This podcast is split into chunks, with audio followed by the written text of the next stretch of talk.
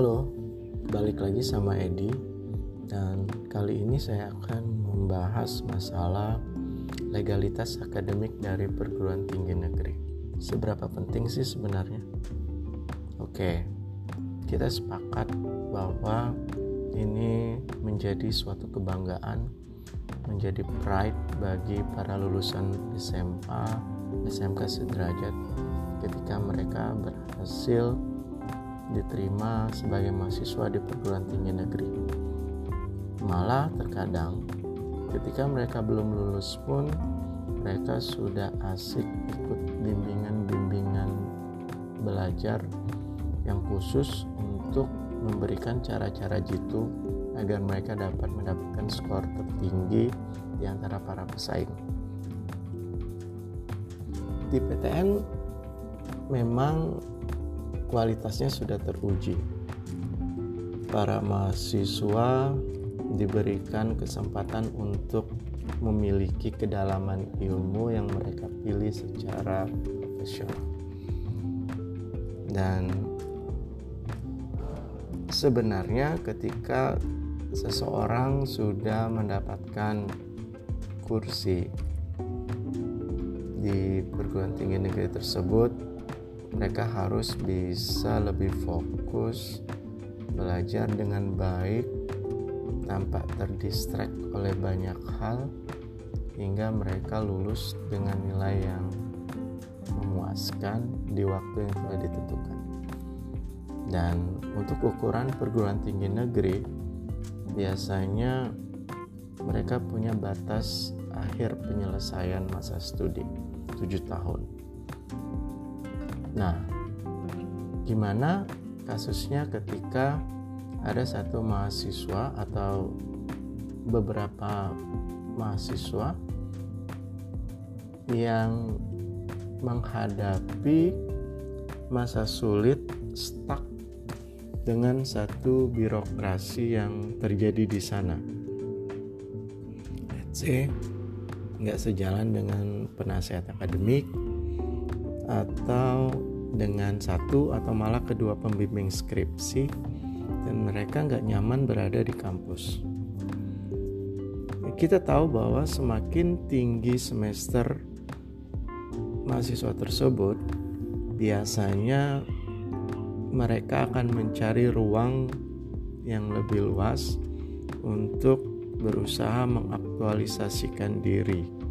Biasanya saya dan teman-teman di FKIP Bahasa Inggris Unsri angkatan 98 mencarinya di luar kampus. Atau lebih tepatnya dicarikan oleh kakak-kakak kelas kita. Kakak tingkat sorry. Semakin intens dan semakin asik kita terlibat di dunia kerja. Dan saya pernah diberikan kesempatan untuk bisa gabung dengan beberapa bimbingan belajar dan juga tempat kursus bahasa Inggris di kota Palembang. Go Global, Udi Wijaya, Gloria, dan yang paling prestisius menjadi guru yayasan di SMA YKPP Pendopo Pertamina. Dan di sini saya begitu merasa penting dan berbangga diri karena di usia yang masih terlalu dini untuk terjun secara total di sebuah pekerjaan saya sudah mendapatkan fasilitas gaji yang keren yang lumayan nominalnya. Di saat yang sama saya diberikan rumah beserta fasilitas gratis listrik, air, dan juga gas. Sayangnya, saya terlalu melupakan tugas pokok saya, yang pada akhirnya, singkat cerita, saya ketemu dengan pembimbing skripsi saya dan pada akhirnya saya harus diusulkan untuk transfer untuk pindah kampus karena kesimpulan Pak Profesor ini mustahil bagi saya untuk menyelesaikan skripsi dalam waktu enam bulan. Ah, come on, I can make it, but forget it. Dan uh, karena prinsip kita yang tidak bisa sejalan, ditambah dengan keegoisan masa muda, akhirnya I'll take it. Ketika saya ditantang, saya terima. Karena saat itu saya berpikir bahwa saya udah punya kerjaan legalitas ijazah bisa di mana pun akhirnya proses panjang panjang sih tapi mudah saya akhirnya pindah ke Universitas PGRI Palembang di mana saat itu saya dibantu sama teman sekelas saya Maria Fitrianti yang sudah menjadi asisten dosen di sana uh, oke okay. pada awalnya um, ayah saya sangat kecewa dengan keputusan yang saya ambil kita diskusi panjang lebar. Dan saya sempat merenung merefleksi apa yang saya lakukan ini sebegitu fatalnya kah? Dan pada saat yang sama saya muncul motivasi untuk menunjukkan kepada ayah saya khususnya bahwa saya bisa survive in this hardest situation dan saya yakinkan diri saya bahwa someday ayah saya akan merasa bangga dengan hidup saya. Saya gabung dengan komunitas mahasiswa transfer di eh, Universitas PGRI Palembang tersebut. Dan saya hanya mengambil beberapa mata kuliah yang tidak saya dapatkan di Universitas Sriwijaya. Uh, beberapa contohnya bahasa Indonesia ke PGRI-an ke ke apalah gitu. Saya lupa. Dan saya nikmati saja. Karena di saat yang sama saya pun resign dari SMA YKPP Pendopo Pertamina. Dan saya gabung di Gloria saat itu sebagai staff marketing dan juga menjadi instruktur bahasa Inggris. Saat itu di sana kakak-kakak tingkat kita di Utsri Mbak Tias Mutmaina sangat membantu Mbak Nila Sari Mister siapa Wijaya. Mereka udah punya posisi yang bagus di sana dan karena mereka tahu siapa saya and then saya merasa nyaman di sana. Saya punya banyak peluang untuk improve. Saya jalanin. Sembari saya ambil kelas 1-2 di PGRI dan ketika masa skripsi dimulai karena saya sudah punya proposal dan kerangkanya udah jelas udah matang. Saya hanya ketemu sama dosen pembimbing saya satu sampai dua kali and then I got the schedule. Saya dapat jadwal untuk sidang. Dan saya bisa melewatinya dan saya mendapatkan nilai yang memuaskan kembali lagi saya bangga saya telah membuktikan bahwa saya bisa menyelesaikan S1 saya walau di tempat yang berbeda nah kemarin ketika saya baru keluar kelas diklat di sini, saya ngobrol sama salah satu peserta diklat, Pak Helmi Ibrahim. Bapak ini kelahiran Jakarta dan bekerja sebagai guru nautika di SMK 4 Pangkal Pinang. Dan ternyata beliau memiliki satu anak yang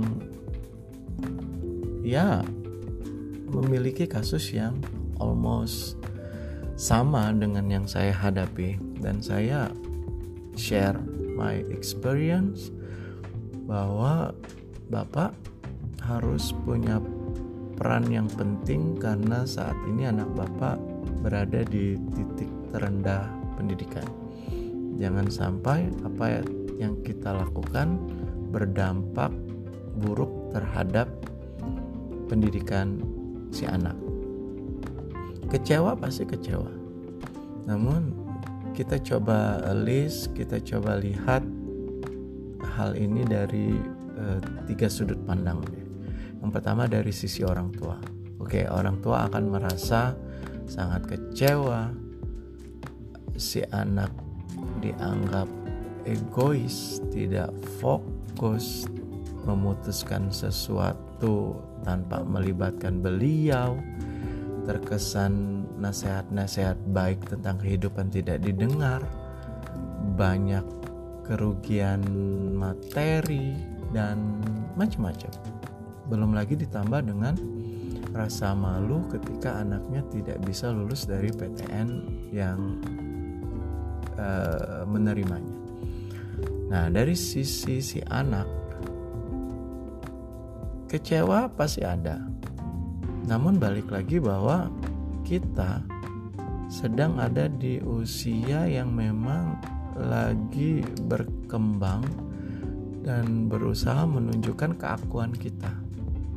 Dan saya rasa hal ini tidak salah ketika si anak memang mau bertanggung jawab terkait apa yang sudah mereka putuskan dan saya merasa karena saya punya kasus yang sama saya merasa bahwa hmm, kegagalan yang terlalu dini ini membuat saya jauh lebih bijak jauh lebih bisa mengandalkan nalar saya untuk memutuskan sesuatu yang punya dampak baik ke kehidupan saya. Dan saya lebih lebih lebih bisa melihat langkah mana yang tepat untuk saya ambil tanpa perlu menghabiskan banyak waktu untuk diskusi dengan pihak H, pihak B, pihak C. Itu dari sisi saya. Walaupun memang masing-masing orang akan memiliki apa istilahnya eh, pengaruh yang beda terhadap kegagalan yang mereka dapat ya ada dua sih opsinya ketika mereka bisa mengambil hikmah mereka akan jauh lebih baik namun ketika mereka merasa ini satu dosa besar dan mereka terus meratapi mereka nggak akan bisa ke mana-mana. They will be at that point forever. Dan akan terus dipandang sebagai pecundang oleh orang. Nah kalau dari sisi saya adalah dari orang orang ketiga anggap. Saya memandang bahwa kegagalan itu wajar dan uh, Tuhan memberikan peluang belajar yang lebih banyak dari satu kegagalan yang dikasih. Dan kitanya dipaksa untuk punya mental yang kuat lewat ya lewat proses.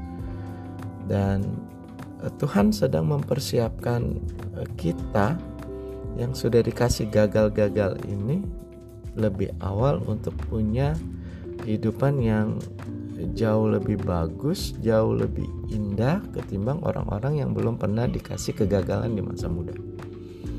Dan yakinlah bahwa hidup emang tempatnya diuji hidup emang banyak gagalnya dan alangkah baiknya kalau kita ambil jatah gagal itu di masa-masa awal. Dan kita pelajari, kita ambil apa makna di balik ini. Dan ketika kita sudah menjalani setengah hidup kita ke titik akhir kita ke ya ke usia eh, tutup usia kita akan menjalaninya dengan sukacita karena kita sudah tidak ada lagi tempat untuk merasakan kegagalan. Oke, saya rasa saya sudah cukup banyak berbicara untuk kali ini, dan tetap semangat bagi teman-teman yang sedang ada di masa sulit. Nikmati saja, yakini bahwa ini yang akan membuat kalian jauh lebih beruntung dari yang lain. Jadi jangan pernah melihat hidup orang lain, namun fokuslah untuk memperbaiki semua kesalahan yang sudah kita buat dan belajar untuk menerima sukacita yang akan kita dapat di hari-hari ke depan. Oke, selamat beraktivitas. Sampai jumpa.